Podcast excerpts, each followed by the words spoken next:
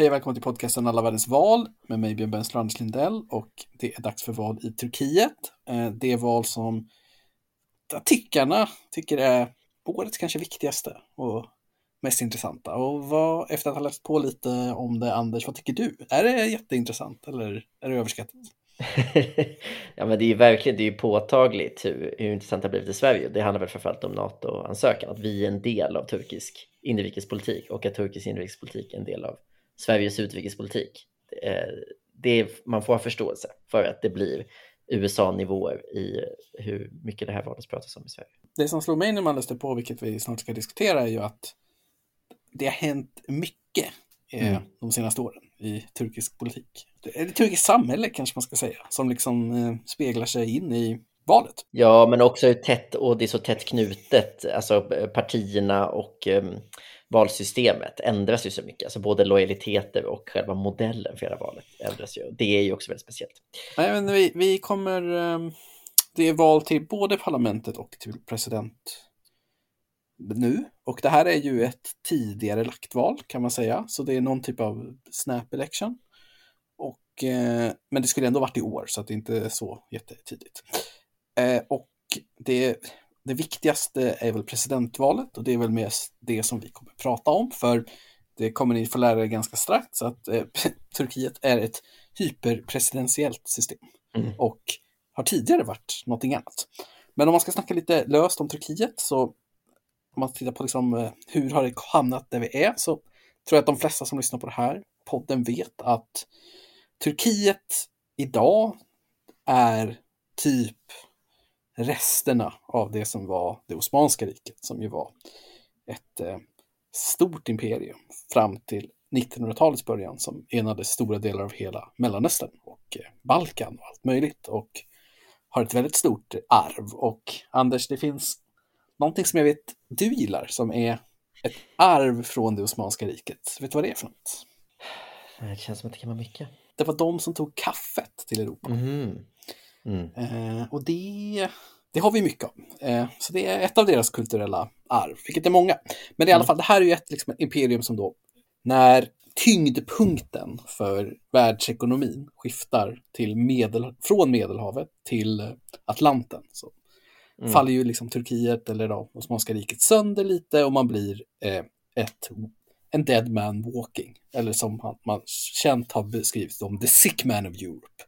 Men man hålls fortfarande upp för den som kan lite geografi vet att Istanbul är huvudstad i Turkiet och Istanbul hette förut Konstantinopel och ligger precis mellan Asien och Europa. Mm, Ankara och... är väl ändå huvudstad? Ja, just det. Så Ankara är huvudstaden, just det, precis. Men tidigare så var det Istanbul. Ja. Eh, men där ligger vi på sporren och det är den mest geopolitiska viktiga kontinuerliga platsen på jorden i alla fall. Där liksom imperium och politik har settlat. Så det var ingen som ville att någon annan, typ Ryssland eller typ England, alltså skulle liksom få kontroll här. Så att Nej. de höll uppe Osmanska riket fram till andra, första världskriget då, där eh, det Osmanska riket då hamnade på den tyska sidan. Och det var för att britterna blåste dem på två stora krigsskepp som de hade byggt, som osmanerna hade lagt hela sin statsbudget på. Och de skulle då liksom dominera Svarta havet och britterna bara, vi ska bara måla om dem lite, de är snart klara, de är snart klara. Och precis när det blev krig så sa man, nej vänta, vi kommer behålla de här två själva. Ja, och då var det ju omöjligt för dem att inte gå in på den tyska sidan. Mm. Och eh, de presterar ganska bra i första världskriget, Spanska riket. Utan de eh, spöar ju britterna med allierade vid Dardellerna då, där de ska upp och in i Svarta havet och avsluta kriget tidigt och då förlänger man ju kriget med flera år. Och det är ju liksom i samband med kriget, under kriget och efter kriget som det Osmanska riket faller sönder och eh, det blir något annat. Och det man, om man ska sätta in det här i en större kontext, det som händer i Europa under 1900-talet och även då i Asien här, det är att eh, länder omformas efter nationaliteter mycket tydligare. Så mm. eh, det händer tydligare i övriga Europa efter andra världskriget, men här börjar man då att det liksom bildas länder på Balkan framförallt då, som alla tillhör Osmanska riket, som i början av 1900-talet blir egna länder eller mer större egna länder. Och även under då Osmanska riket samman så bildas ju då länder som finns idag som Armenien, Turkiet och så vidare. Och även i regionen så bildas ju till exempel Israel lite senare och så. Så då är det också vissa som inte har fått några länder som till exempel kurder. Men det man måste förstå av Osmanska riket som går in i Turkiet som är viktigt, det är att det här var väldigt kosmopolitiska platser mm. idag. Att det liksom, det var inte så att det, här, det är ett väldigt känt folkmord på armener som ju då är väldigt eh, omtalat idag och kontroversiellt. Och då kan man lätt tänka sig att ja, men då måste det ju ha skett där Armenien ligger idag. Och så är det inte riktigt, utan det fanns ett armeniskt kvarter i nästan alla städer mm. i Osmanska riket. På samma som det fanns ett grekiskt kvarter och ett turkiskt kvarter och ett judiskt kvarter och så vidare. Mm. Så att det var mm. Det är inte designat riktigt som det är idag. Men efter att Turkiet då bildas och där, då är det ungefär så att den här kosmopolitiska sidan slås sönder. Och det är väldigt så här, det är det som händer i samband med att Turkiet då bildas. Så det kanske bästa och hemskaste och tråkigaste exemplet på det, det är staden som heter Smyrna, som idag heter mm. Izmir, som 1918, när första världskriget tar slut, är den största staden med en grekisk population i Medelhavet kan man säga. Så att det är liksom en stad som då har många fler greker i sig än Aten. Mm. Än ligger på andra sidan kusten, då, på den turkiska sidan idag. Och där finns det ett stort armeniskt och ett stort grekiskt och ett stort turkiskt och en arabisk. Så det är liksom en väldigt kosmopolitisk stad. Det finns också ett amerikanskt kvarter där. Vet du vad de, vad, vad tror du de gör där? Där bor de som jobbade på Standard Oil Company. Mm, ja, det finns alltid någonting. Men det är liksom, i Smyrna är på något sätt centralt då för, eller ett exempel för vad som händer då. För att det som händer är ju då att Grekland är ett av de länder som successivt vunnit självständighet mot det Osmanska riket. Så ungefär mm. det som är Grekland idag skapas under 1800-talet. Men under andra världskriget så gör Grekland, då rattar de två regeringar och det här är lite kul. De har en tyskvänlig i Aten och mm. en, en Tetenvänlig i Thessaloniki. Och det är först 1917 som man går ihop och joinar de allierade. Då. Eh, så man har liksom valt krigs sida och då är man sugna på, efter kriget på mer eftersom Osmanska riket då, som turkarna är den dominerande kraften i, har förlorat.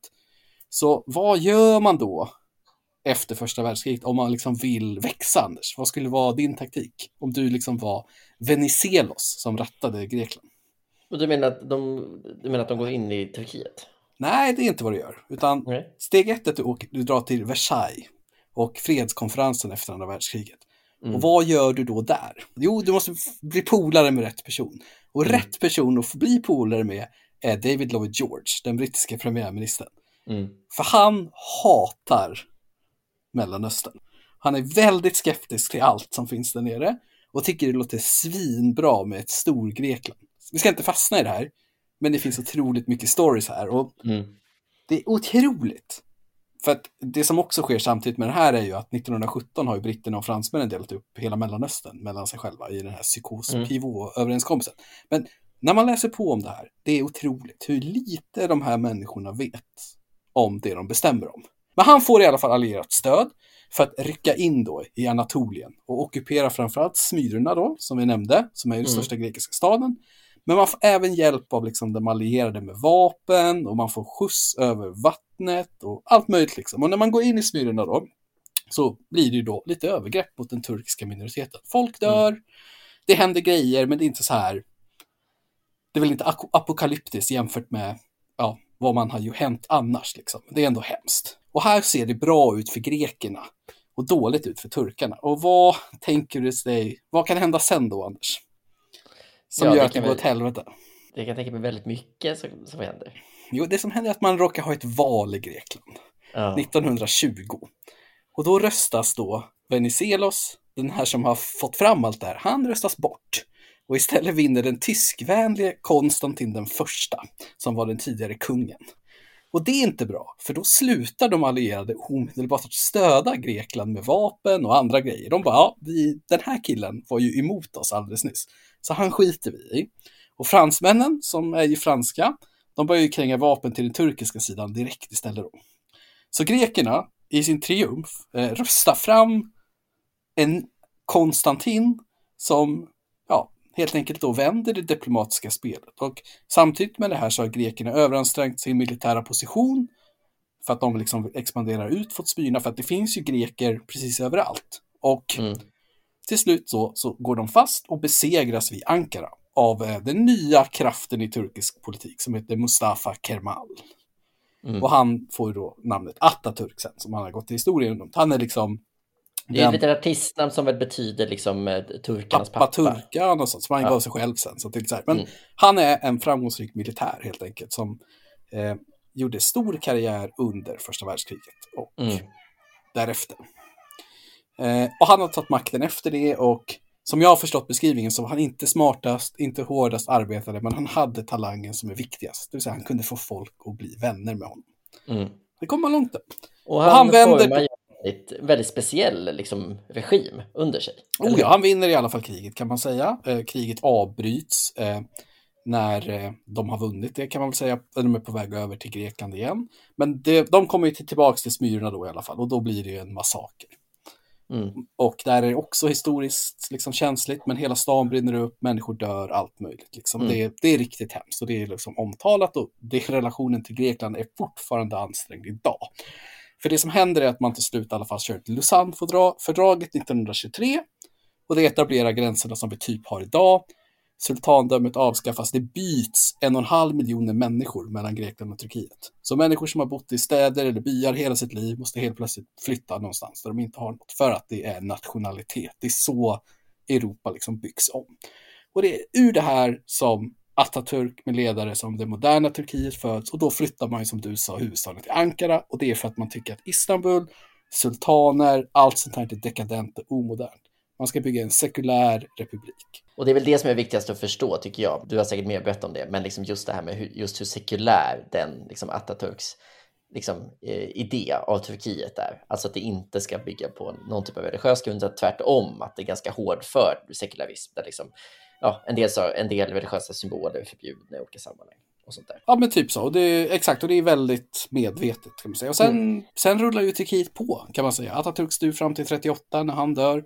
Man är neutral i andra världskriget, man går med i FN, NATO, det är liksom lite fram och tillbaks med demokrati. Eh, mm. Det är lite militärkupper. Man har en kvinnlig premiärminister på 90-talet som heter Tanse Siller. Ekonomin är fram och tillbaks men växer sig stark från 80-talet och framåt. Men man har liksom ganska mycket information. Men från 1980 till 2013 så nästan tiodubblas BNP per capita.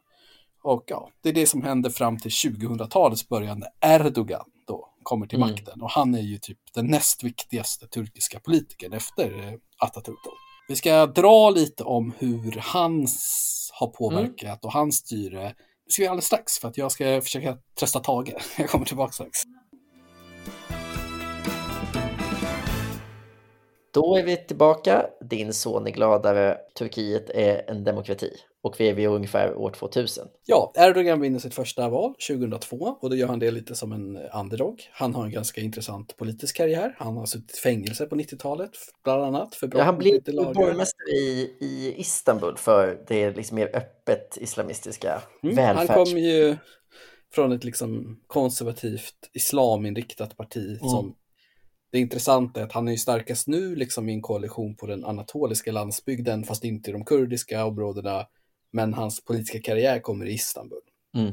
Och det är marginal mittenväljarna i Istanbul som avgör om han vinner val eller inte, har gjort sedan 2002. Men han vinner 2002, förvånande då, vinner mm. igen 2017, 2007 och vinner mm. ytterligare en gång 2011. Otroligt framgångsrik liksom. Och under den här tiden tar ju verkligen en BNP-utveckling fart i Turkiet och liksom han är framgångsrik. Och han är, fortsätter vara framgångsrik fram till 2015 då han mm inte längre vinner. Och när han då inte längre vinner så händer det grejer. För då mm. börjar mm. de här förändringarna. För 2015 får han ingen majoritet i parlamentet.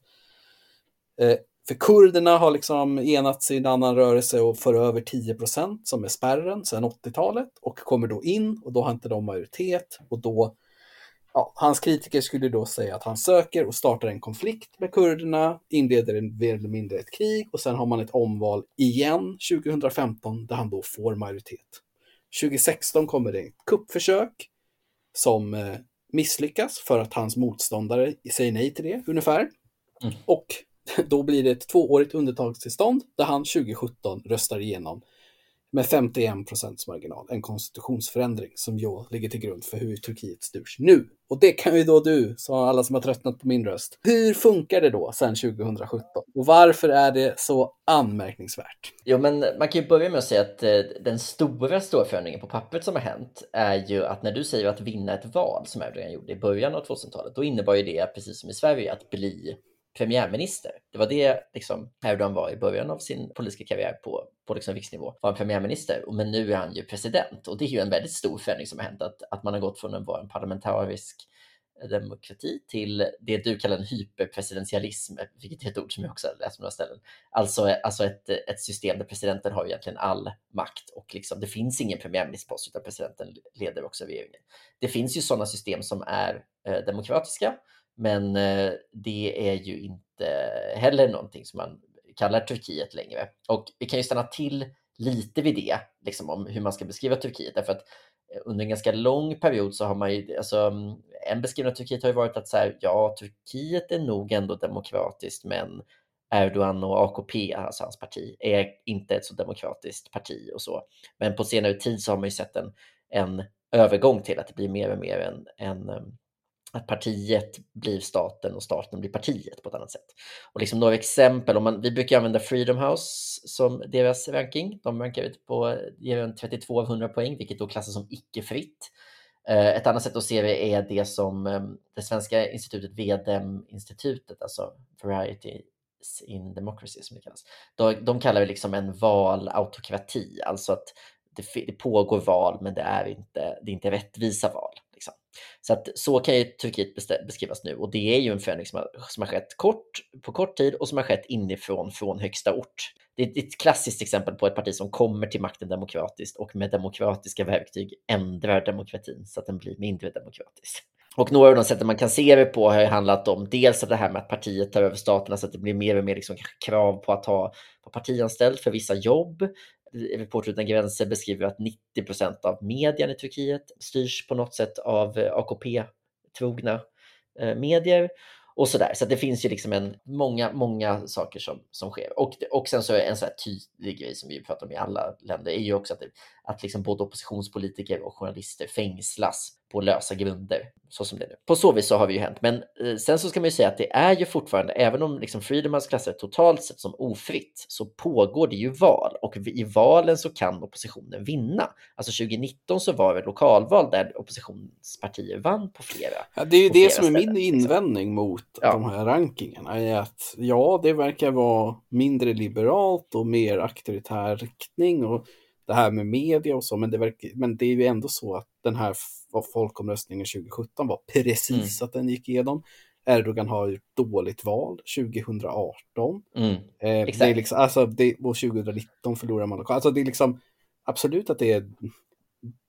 Jag tycker att det verkar vara mer demokratiskt än vad jag hade förstått av att lyssna på medierapporteringen det finns innan. Liksom något, eh, det finns någonting friskt i systemet fortfarande. Ska man säga. ja, exakt. Inte, det, det, är inte helt ja. förstört. Och det är Nej. kanske då att det kanske blir det efter det här valet. Ja, Men precis. det är inte det, det är det. Det är, väl, och det är väl det som gör att folk kallar det ett ödesval och så mycket. Alltså att, att, man, att man ser men, men precis, det är viktigt att förstå att det är liksom att det verkligen systemet är inte riggat från början utan systemet förändras hela tiden inifrån. Eh, I Turkiet. Ehm, så då kan man säga, så att just det här med att förstå att det, det liksom, och man brukar ju prata om fria och rättvisa val och då kan man säga att det är liksom, ja men en, en återkommande sätt som jag sett det beskrivas är att i Turkiet finns det fria val men det finns inte rättvisa val. Liksom, och det är just för att medieutrymmet, rättsväsendet, alltså en annan förändring som har hänt är att Högsta domstolen tillsätts numera, precis som regeringen, till stor del av presidenten. Liksom. Så systemet blir allt mer kortslutet hela tiden. Alltså jag tror att det är sådana här, eh, alltså riksbankschefen, även jag tror också så Statistiska centralbyråns motsvarighet, alltså den här typen av så här ganska eh, så klassiskt opolitiska positioner har politiserats och liksom korrumperats den senaste tiden. Så att, så att det pågår en ständig liksom ett ständigt insjuknande för, men det finns friska delar. och det är ju drivs lite av Erdogans egna paranoia då efter den här mm. kuppförsöket 2016 och så vidare. Så ser han ju fiender överallt. Han har ju satt sin svärson som chef för finansdepartementet eh, och så vidare. Eh, men jag tänkte, har du dratt exakt då hur det här Nej. funkar? Utan det kan vi ju då glida in på tänkte jag. Själva valsystemet, ja, precis. Mm.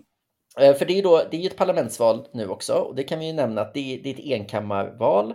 Eh, med sex, där I den här enda kammaren så är det 600 platser som väljs eh, proportionerligt. Och du nämnde den här 10 spärren som har varit lite känd för att det är så vansinnigt högt med 10% Nu har den sänkts till 7 och det har då inte att göra med de här kurdiska partierna som till slut kom in, utan snarare om ett parti som heter MHP och som är Erdogans liksom enda... Det är realpolitiska skäl, inte... Ja, så att, så att det har blivit en liten, och en liten ironi är väl liksom att det en sån förändring här då gjorde, eller man gjorde i den senaste konstitutionen var att sänka den spärren för att stärka hans koalition. Men det gör ju också lättare för oppositionen. Ja, framförallt så förändrade man ju att man kan gå till val med koalitioner. Det ja, var ett precis. kortsiktigt Erdogan-lösning för att fortsätta få majoritet 2018. Ja. Och det har ju nu oppositionen utnyttjat på riktigt för första gången. Och det kommer Exakt, kommer... så, att det, så att det har funnits två förändringar som, som han gjorde för sin egen skull har lite kommit tillbaka och bitit honom. Men sen då som vi nämnde, det fanns en liten knölig övergång när man skaffade ett presidentämbete. Liksom. Eller man, man hade en, en president som skulle börja väljas av folket som då var eh, Gül, alltså presidenten innan Erdogan. Men han gjorde aldrig riktigt det. Så att Erdogan är liksom den första presidenten som är direktvald av, av folket som jag förstår det. Ja, det är Så det är, liksom, det, det, är så nytt att han, han kommer med den här förändringen. Och han var ju då premiärminister innan, men presidentämbetet har tagit över det som premiärminister. Så här är det, är till och med så här komplicerat att han var president innan också, men då var han inte direktvald. Så enligt konstitutionen så får man bara sitta två perioder. Man mm. kan sitta en tredje om man, om man kallar ett snap election av någon anledning. Och då är det då, diskussionen är ju då, men vänta lite nu, han har ju varit president sedan 2013. Eh, hur kommer ja. det sig att, ja, men han är fortfarande bara på sin första mandatperiod från valet 2018. Ja, men precis för att han menar att konstitutionen har, för, för, att konstitutionen har gjort om så, så menar de att det då inte, och det, det här har vi sett i flera fall också, de ja. menar att det, det, det, räknas från senaste konstitutionen. Och om vi vin, han vinner det här så lär han ju då eh, ja, försöka en gång till, skulle man väl kunna tro. Det lär ju på något sätt. Ja. Och president, men, men eh, formellt då så väljs presidenten eh, i fem år eh, och max en gång då. Det, det finns också ganska mycket mycket eh, så här begränsningar alltså, som gynnar stora partier. Alltså, du måste ha så kvalificerad majoritet för olika förändringar och sånt där. Så att det gör att det här parlamentsvalet är ganska, blir ganska intressant också.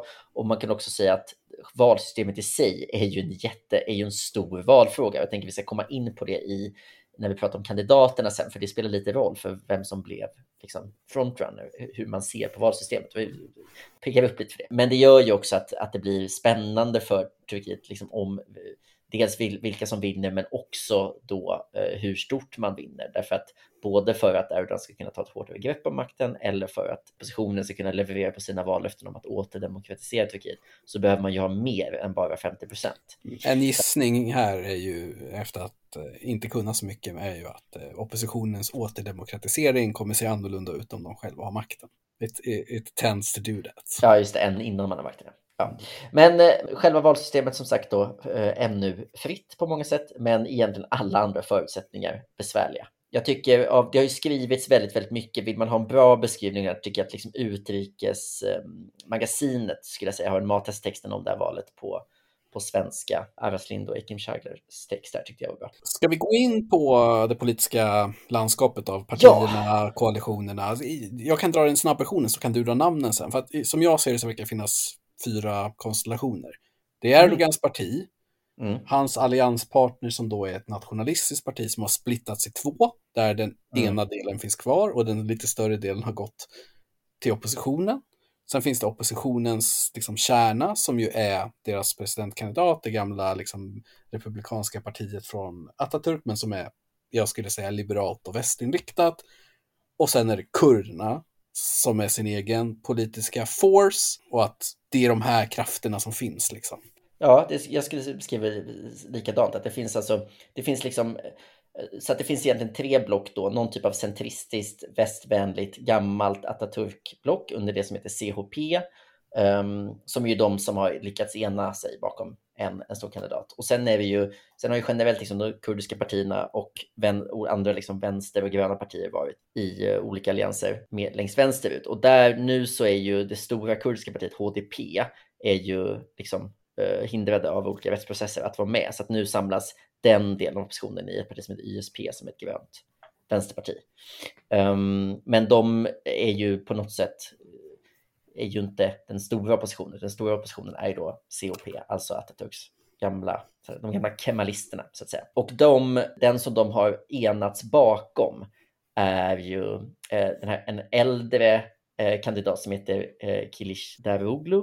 Eh, och liksom hela poängen med att det lyckades bli han, apropå det här med valsystemet, är ju att han har gått till val lite på att förändra systemet och sen backa undan. Han är liksom en äldre, ganska nedtonad kandidat som liksom inte har en så demagogisk, liksom nu ska vi störta diktatorn-ton, utan mer än så, kom igen nu så gör vi något vettigt av det här och ser om vi kan ställa i ordning lite. Och det, det skulle jag säga är liksom den återkommande beskrivningen av honom är så den här ganska milda äldre mannen som har lyckats bli vald på liksom det, det liksom underliggande löftet att inte skapa en ny personkult utan ja, ändra systemet och gå därifrån. Han har skrivit ett eh, öppet brev i The Economist som jag tyckte var ganska intressant. Mm. Det var väldigt mycket mer västerligt och vad, vad jag trodde det skulle vara. Alltså, ja, jag tycker också att det är intressant hur, hur mycket, vi nämnde det precis i början, det här med hur mycket utrikespolitiken spelar roll. Och det, det verkar ju verkligen som att för oppositionen så är det väldigt viktigt att på något sätt använda sig av eh, EU för att på något sätt stärka Turkiets plats i Europa. Man, man har verkligen valt EU tydligt som, som väg liksom, och är tydliga med liksom Sveriges NATO-process till exempel, att man vill snabba på den så mycket som möjligt. Så att, eh, ja, det förvånar mig inte. Jag har inte läst brevet, men det förvånar mig inte. Nej, och min bild är också att det är de här kurdiska rösterna som kan avgöra valet för oppositionens. Liksom. Mm. om de går ut och röstar, om de röstar rätt inom situationstecken, så mm. har de, det är ju där liksom, marginalen för dem kommer komma och marginalen från Erdogan är liksom i Istanbul och lite som, eh, och lite som du nämnde det här med att ehm, um, AKP då, alltså Erdogans parti, har uh, gått ihop med ett nationalistiskt parti, eh, de, de som kallas MOP, de, de här som man har försökt behålla genom att sänka spärren. Uh, de är ju, och du nämnde ju att de var splittrade och det gör ju att bakom Kilicdaroglu så är vi ju alltså allt från liksom, vänster röster och kurdiska röster till de här nationalistiska krafterna som, som av andra skäl inte stöttar Erdogan. Så det är en väldigt, väldigt spretig, det är en väldigt, Allt, väldigt spretig liksom, Alltid när vi gör val, när det är sådana här situationer, ja. som det var till exempel i Ungern, att det är en mm. liksom ganska spretig allians. När den kommer mm. från något slags vänsterhåll så känns den alltid sämre än när det är tvärtom. Mm. Att det är liksom ja, ett men... stort jävla paraply som ska få ihop det. Mm. Medan när de här allianserna kommer från högern så känns de, de känns liksom lite mer tajta. Ja, du menar att det är lättare att enas mot en vänsterpresident? För de, här, de kommer ju från alla håll, men, ja. men alternativet är till höger. Ja. För AKP ja. får man ju säga är ett tydligt högerparti. Så som jag har förstått det när jag läst lite också är att AKP, alltså de har ju varit något typ av för, förtäckt islamistiskt parti och det, och det har ju varit känsligt eftersom Turkiet haft sina hårda traditioner men också regler emot liksom, att blanda ihop politik och religion men ändå haft det som sin grej, men att man går mer och mer mot snarare nationalism som ideologi än liksom islam, islamistisk konservatism. Liksom. Vad jag förstår det så rör ju sig Erdogan åt ett sultanen liksom riktning. Att om Atatürk ville göra slut på det osmanska arvet så vill ju Erdogan då istället liksom röra sig ditåt. Typ. Mm, mm. Men eh, ska vi gå igenom eh, frågorna lite? För det finns ju många frågor här. Ja, de går kanske inte att koppla isär, men det är ju ekonomin och utrikespolitiken är väl de två stora. Liksom. Vilken vill du dra av dem då? Ska du ta utrikespolitiken då? Och då, då har jag redan nämnt lite det här, men de, det är ju kopplat, för det är väl det ekonomiska läget som gör det så jäkla eh, viktigt på något sätt att återknyta banden och stärka banden till, till EU, tänker jag, för, för oppositionen. Eh, att det inte bara för att man liksom tror på det europeiska projektet som man, som man vill liksom återuppta så här kandidatstatus. Och sånt där. Vad vi kan säga om ekonomin är ju att man hade under Erdogans första år en väldigt stark ekonomisk tillväxt. Mm. De stagnerade för ungefär tio år sedan. Eh, I alla sådana här kompenserade för liksom valutakurser så är ju de Turkiet klart fattigare idag per capita mm. än man var för tio år sedan. Och jag läste på om den här krisen och det är svårt att fatta, men det, det, det kortsiktiga kan man säga så här. Turkiet har jobbat med ett budgetunderskott, både i offentlig och privat sektor. Och det har man kunnat täcka upp för att man har en ökande BNP. Det är liksom hela tanken, att det finns en potential. Men man har fått problem att finansiera de här lånen eh, efter 2016 och det har satt igång en cykel av hög stigande inflation eh, och en fallande värde på valutan och när det började hända så gjorde man inte det som är ortodox eh, penningpolitik utan man mm. Eh, en centralbankschefs chockhöjde räntan och eh, Erdogan sparkade honom och så sänktes den och så vidare. Så att Erdogan driver en konstig ekonomi, en ekonomi som är helt beroende av att få in ny, nya pengar utifrån och när han inte kan få det från väst längre, då får man gå till Kina eller Gulfen och det är där pengarna strömmar in just nu. Men de pengarna kommer ju med andra politiska problem än de från väst och så vidare. Men Erdogan har kortsiktigt löst det ekonomiska problemet med hjälp av Saudiarabien. Mm. Men det här, hur, de sitter i en jättekonstig ekonomisk sits. Alltså, jag förstår inte hur de ska ta sig ur det här. Nej, men och sen är det väl också det här med att man eh, försöker spela, alltså eh, handelspolitiskt utrikespolitiskt har man försökt spela för, för båda lagen hela tiden. Och det, det syns ju även i liksom Rysslands eh, relation till Ryssland och Ukraina så har man ju haft en liksom, lite tvegad position. Man kan ju säga att kriget i Ukraina har varit väldigt bra för Erdogan. Det har gjort mm. Erdogan jätteviktig för NATO, jätteviktig i regionen, alla vill ha på hans sida, det har stärkt han inhemskt. Så för det här valet så kom ju det som en jättebra konflikt. Mm. Eh, men ekonomin är så pass dålig, arbetslösheten är på väg upp, alla blir mycket fattigare i reella termer eftersom allting som importeras blir dyrare. Så att ekonomin är en jätte jättenegativ fråga. Ändå är han mm. ute nu och kampanjar och lovar lägre pensionsålder, högre löner, alltså han är liksom, man, lite desperat. Jag tror han höjde lönerna i, idag, den, den 9 maj, för de statligt, statligt anställda till exempel. Så det mm, aviserades ja. en slags lönehöjning. Om han vinner så ska det bli intressant att se hur han löser det här. För att mm, mm. Ja, det, det, är nog inget land i världen som sitter i den här ekonomiska sitsen. Det är katastrofer. Oppositionen har ju då säger ju att om vi vinner så kommer västerländska investerare tillbaka och det gör de nog. Så att de har ju nog en lösning på. Exakt, de har en lite tydligare lösning och det finns ett tydligare skäl. Medan anledningen till att, så att det, är, det är därför utrikespolitiken blir en stor grej för oppositionen. Att man helt enkelt ser det som en reell plan för att liksom på något sätt. Um, och det är också det som gör det är också det som gör löftet om demokratisering mer, som verkligen gör att man kan lita på det, är ju att det också har en ekonomisk uppsida, alltså tätare band till, till EU. Det är så de de också säljer in det. Och, och det som gör att Erdogan har lyft, och det har man ju pratat jättemycket om i, i relation till Sverige och varför man blockar den svenska NATO-ansökan och så, är ju för att ta fokus också ifrån eh, ekonomin. Så att, så att det, liksom, man använder utrikespolitiken spelar, spelar roll för den ekonomiska politiken för både oppositionen och regeringen. Men för Rumena så spelar det en roll för att man, eh, eller använder för att lösa ut den frågan och för andra så för att distrahera. Ja, sen finns det ju två frågor till va, som är stora. Den ena har ju med den här jordbävningen att göra såklart. Mm. Eh, vad, liksom, hur ska det, vem är ansvarig för vad? Eh, kan, och där finns ju en koppling till det här med, det finns ju en koppling till den, till den nedmonterade demokratin där, alltså att, att man, har, man har tummat på bygg, byggregler av liksom korruptionsskäl och sånt där.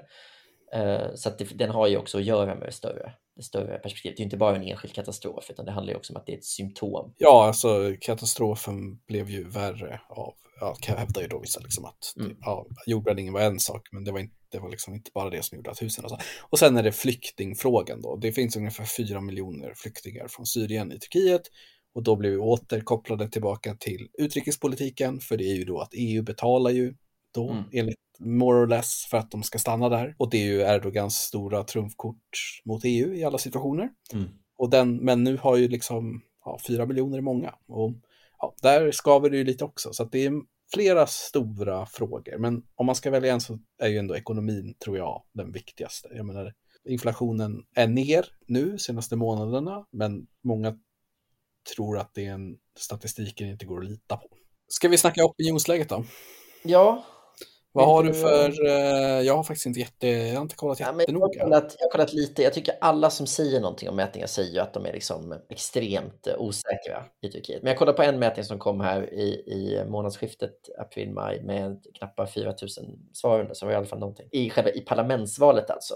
Och i den så har ju oppositionen en ganska stor majoritet, eller, eller, eller man har en, en majoritet. Ledning. Och en stöd stödpartiet till Erdogan ligger på 5,7, alltså en bit under 7 spärr. Enligt den så skulle vi då kunna bli en ja, troligt då att just parlamentet i alla fall svänger åt, åt oppositionens håll. Eh, och AKP då ligger, hade ju i förra valet strax under 50 och har nu strax över 30 i en del mätningar. Så att de är ju fortfarande största parti, Erdogans parti, men, men man är betydligt mindre. Liksom. Eh, och sen så, Ja, och i presidentvalet så, alltså där känns det som att det är olika alla mätningar, men, men eh, Knapp ledningen då för Ja, i nästan alla mätningar så, så leder Kilicdaroglu med liksom strax över Erdogan. Och men, eh, eh, det de säger, de som kan, är att det är viktigt för honom att vinna i första omgången. De tror att han har större chans att vinna i en första omgång än i en andra. Mm. Just det, för det är ju ändå en förändring de inte, inte, inte har hunnit göra än, är ju att det, blir, att det är två omgångar. Så att blir, får ingen 50 procent så blir det en andra omgång den 28 maj. Vad jag har förstått från valkampanjen så är Erdogan en duktig kampanjare. Bättre än den andra, alltså att hans tal är bättre, alltså liksom att han, men också han kan de verkar ha helt olika, precis, men de har också helt olika um, ton, alltså att uh, Erdogan har ju mycket mer, alltså han, dund, han är ju en demagog på ett sätt. Han dundrar på, oh ja. det är fosterlandet och det är liksom, medan um, Kilicdaroglu har ju mycket mer, alltså en medvetet mer försiktig men, eh, också.